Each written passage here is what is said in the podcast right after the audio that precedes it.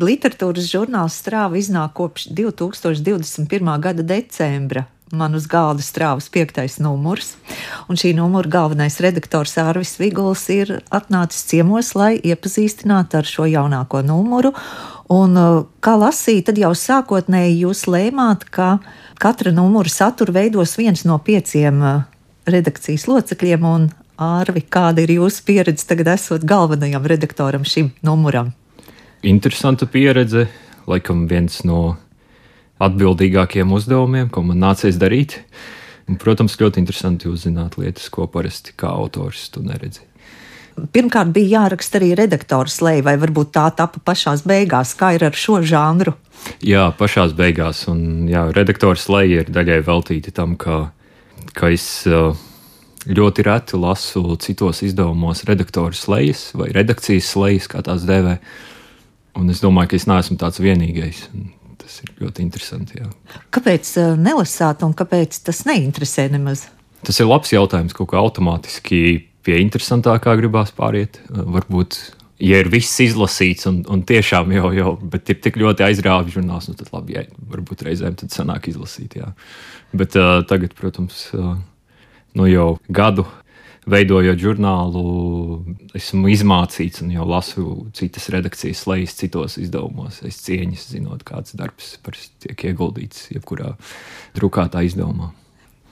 Vai šim numuram arī izvirzījās kāda noteikta tēma, kas dominē? Jā, viena no tādām varbūt apakštēmām, kas tomēr, es domāju, varētu strāvot cauri šim numuram, ir ķermenis un slimība. Daļēji tas ir redzams, piemēram, Ginta Virgīlija Tilka fotografiju sērijā, kas ir ļoti personisks stāsts. Daļēji šī tēma parādās tekstos, kas varbūt nebija publikācijās, kas nebija gluži pasūtītas, bet eh, kā parasti literārā žurnālā uzrodas. Cilvēki sūta, un, vai ir kāds autors, kur uzrunā un piedāvā piedalīties un kaut ko atsūtīt. Un šajā numurā jā, ir gan teiksim, tā jau klasiķi, kā Edvīns Raups, vidējās paudzes zvejniekā kārtas vērdiņš, bet ir arī pavisam svaiga dzēja. Šajā numurā debitē kā dzēniece Agnese Radziņa, viņa arī debitē kā kritiķe ar recenziju, kas ļoti priecē, ka varam dot platformu ne tikai jau autoriem, kas ir vairāk vai mazāk zināmi, mazāk zināmi, vairāk zināmi, bet arī pavisam jauniem autoriem, kuriem tā varētu būt pirmā publikācija. Kā ir eh, jānokļūst jūsu redzeslokā, lai tiktu pie šīs publikācijas? Kā Agnese nokļuva? Patiesībā tas bija saistīts ar, eh, ar internetu žurnālu Satoriju, ar, ar, ar radošo nometni, ko viņi organizē. Satorija organizē katru gadu vasarās. Un, uh, Es šogad vadīju tur dzīslu meistardarbnīcu, un Agnese bija viena no dalībniecēm. Un par prozas autoriem, kā ar tiem tātad ir mūsu pašu autori? Jā, ir um, Džena Andersone, kurai šķiet no pat vai tūlīt iznāks prozas grāmatas, kā es zinu.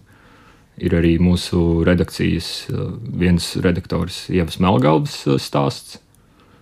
Un manā tulkojumā ir urugvajiešu rakstnieka Feliks Berto Hernandesa proza. Jā, nu, pavisam nejauši, pat godīgi sakot, neatceros.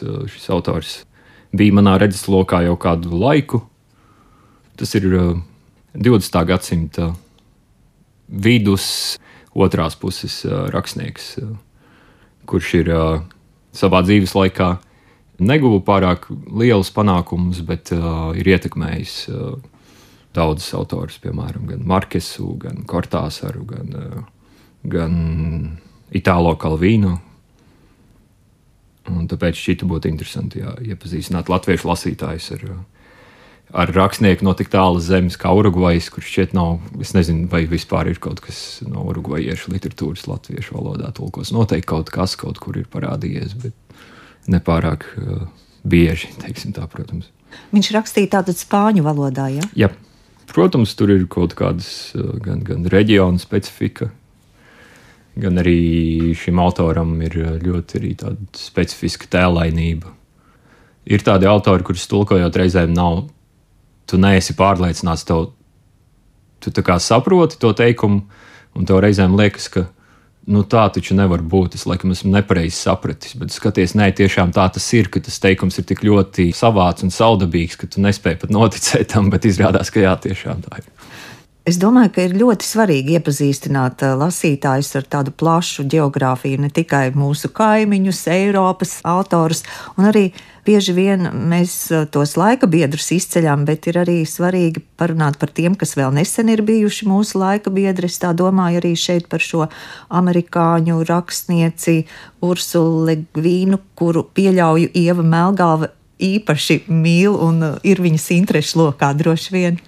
Jā, Es domāju, tas ir saistīts jā, ar, arī ar uh, Ievas Melngavas interesēm. Uh, un patiesībā šis tulkojums, Ursulas Ligvinas, uh, stāsta tulkojums jau, jau bija sācis tapt ar domu par vienu no iepriekšējiem numuriem, bet nebija realizējies, un tad beidzot šajā numurā. Jo mums ir kaut kādas sagatavis, kas ir tapušas jau ilgākā posmā, Un tā ka vēl ik pa laikam kaut kas ir, kas ir vēl krājumos, ko ir iespējams ielikt jaunākajos numuros, bet šīs rezerves pamazām izsīkst. Jā, tāpēc ir jāmeklē kaut kas jauns paralēli. Tā. Tāpēc patiesībā jāveidot pirmos numurus. Ir bijis vieglāk, jo mums jau ir bijušas sagatavas, jo mēs jau esam pirms tam jau diezgan krietni laiciņu jau gatavojušies. Un, un, un kamēr mēs beidzot nonācām līdz pirmajam numuram. Un jūs Ārvi tulkojāt arī, vai precīzāk sakot, atzījojāt turku dzēnieka. Tagad um, izlasīšu. Jokčenūrs čē, tā viņš, tas čē ir vienkārši, Jā. nav atšifrēts. Jokčenūrs ir turku dzēnieks, kurš viesojās arī Latvijā pagājušā gada pavasarī festivālā Page Break. Un tieši festivālam tap arī šis atzījums. Un, ar laipnu festivāla atļauju mēs varējām arī publicēt eh, Gjokčinūra dzēju šajā numurā. Man, protams, ir ļoti fragmentāri zināšanas par, eh, par turku dzēju, bet eh, cik es zinu, Gjokčinūrs ir ļoti tāds no, laikam, tā, no turku vidējās paudzes dzējniekiem ir ļoti redzams pārstāvis. Un ne tikai Turcijā, bet arī starptautiski. Viņš arī ne tikai pie mums ir viesojies, bet arī ļoti bieži viesis dažādos festivālos, literatūras festivālos visā pasaulē. Jūs arī bijāt klāt toreiz, kad viņš šeit viesojās? Jā, lasījām. Jā. Ah, viņš nu, lasīja tur valodā, un es lasīju atzīmes. Ah, tāda Jaudavā, bija tik tuva tā jūsu sadarbība. Ar pieciem cilvēkiem redakcijā idejas, idejas ir un, un pietiek. Un, uh, katrs jau laiku sāk gatavoties savā, sava numura veidošanai. Un, uh, jau ir mm, padomā daudz kas. Un, un, un, protams, vienmēr ir lietas, kas ir jebkuram literāram žurnālam. Nāk regulāri ēpasti no autoriem, no cilvēkiem, kurus mēs nepazīstam, no cilvēkiem, kurus mēs pazīstam, un tam līdzīgi. Un cilvēki, protams, aktīvi sūta un piedāvā savus darbus. Es gribēju jums jautāt vēl par to žanru, kuram mēs mazliet jau pieskārāmies kritikai. Tātad šajā žurnālā arī rakstiem, kas recenzē darbus. Cik daudz uh, jūs to atvēlat žurnālā? Patiesībā šis ir laikam tekstu ziņā visvairāk atvēlēts tieši patiesībā recenzijām, bet mūsu doma ir tāda, ka varbūt tā kā mēs iznākam četras gadā, mēs tā reakcijas ātrums ir ļoti lēns. Es domāju, ka rakstīt uh, īpaši par atsevišķām grāmatām, kas ir iznākušas, rakstīt recenzijas. To var darīt citi, kuri iznāk regulāri, vai kuri nav drukātā formā, vai iznāk drukātā formā biežāk. Mūsu tomēr ar dažiem izņēmumiem tā doma ir tāda, ka publicēt tādus kritikas darbus, kas vairāk paraugās uz, ja tas ir atsevišķs darbs, tad paraudzīties to plašākā kaut kādā kontekstā, ne tikai kā kā šis ir vienkārši recenzija par, par grāmatu. Jo, teiksim, šajā numurā ir recenzija par uh, Gunta Bereļa rakstīt grāmatu. Nu, nesauksim to par pašpalīdzības grāmatu, bet tāda tā kā grāmata, kā uzrakstīt, kā rakstīt uh, literatūru. Un, uh, tāpat Ieva Melngalva jau minēta arī uh, redakcijas, uh, viena no redaktoriem. Viņa uzrakstīja recenziju par šo grāmatu un arī aplūkoja to plašākā šāda veida grāmatu kontekstā. Un arī pati kā cilvēks, kurš vada dažādas meistardarbnīcas un konsultē autorus. Un, jo kā mēs esam nolēmuši, jā, ka mēs vienalga nespēsim publicēt recenzijas par visām grāmatām, kas būs starp numuriem iznākušas, tāpēc mums ir jāizvēlās. Un tad varbūt ir lielāka jēga kaut kādu plašāku rakstu, kas varbūt pat nevienmēr ir recenzija, bet varbūt tikai kā izējas punktu izmanto kādu grāmatu, kas ir pēdējā laikā iznākusi. Jūsu sadarbība ar uh, žurnāla vizuālā tēla veidotāju, tātad tas ir uh, Gīns Virgīlijs Tilks. Kāda ir tā miedarbe starp uh, žurnāla vizuālo tēlu un uh, saturu? Nu jā, tātad katrā numurā ir kāds laikmatīgās fotografijas autors, kurš piedāvā, kā šajā gadījumā, tā ir uh, fotodarba sērija. Citreiz, nu jā, parasti tā vienalga ir sērija. Šajā gadījumā, jā, es, es Gintu uzrunāju, jā, un nu, viņš, viņš izdarīja, piedāvāja, un uh, sadarbojāmies. Jā. jā, viņš arī uzrakstīja nelielu anotāciju, var teikt, savam stāstam. Jā, jā, jo šai fotografijas sērijai tiešām tas stāsts uh, arī ir svarīgs. Jā.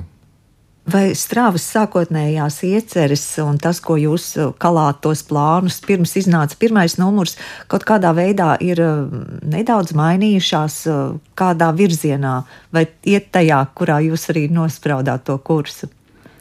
Es domāju, ka jā, es domāju, ka iet tajā virzienā, kur mēs gribētu doties. Ceram, turpināt, iet uz priekšu un attīstīties un uzlabot, uzlaboties, kur vien iespējams. Jā, šobrīd jau, protams, top jau arī uh, nākamais numurs, uh, pavasara numurs, kas būs, ko veido Ieva Melngalve. Un tad arī ar Ievas Melngalves numuru būsim izgājuši pirmo apli, un visi redaktori būs, katrs būs izveidojis pa vienam numuram, un aplis sāksies no jauna.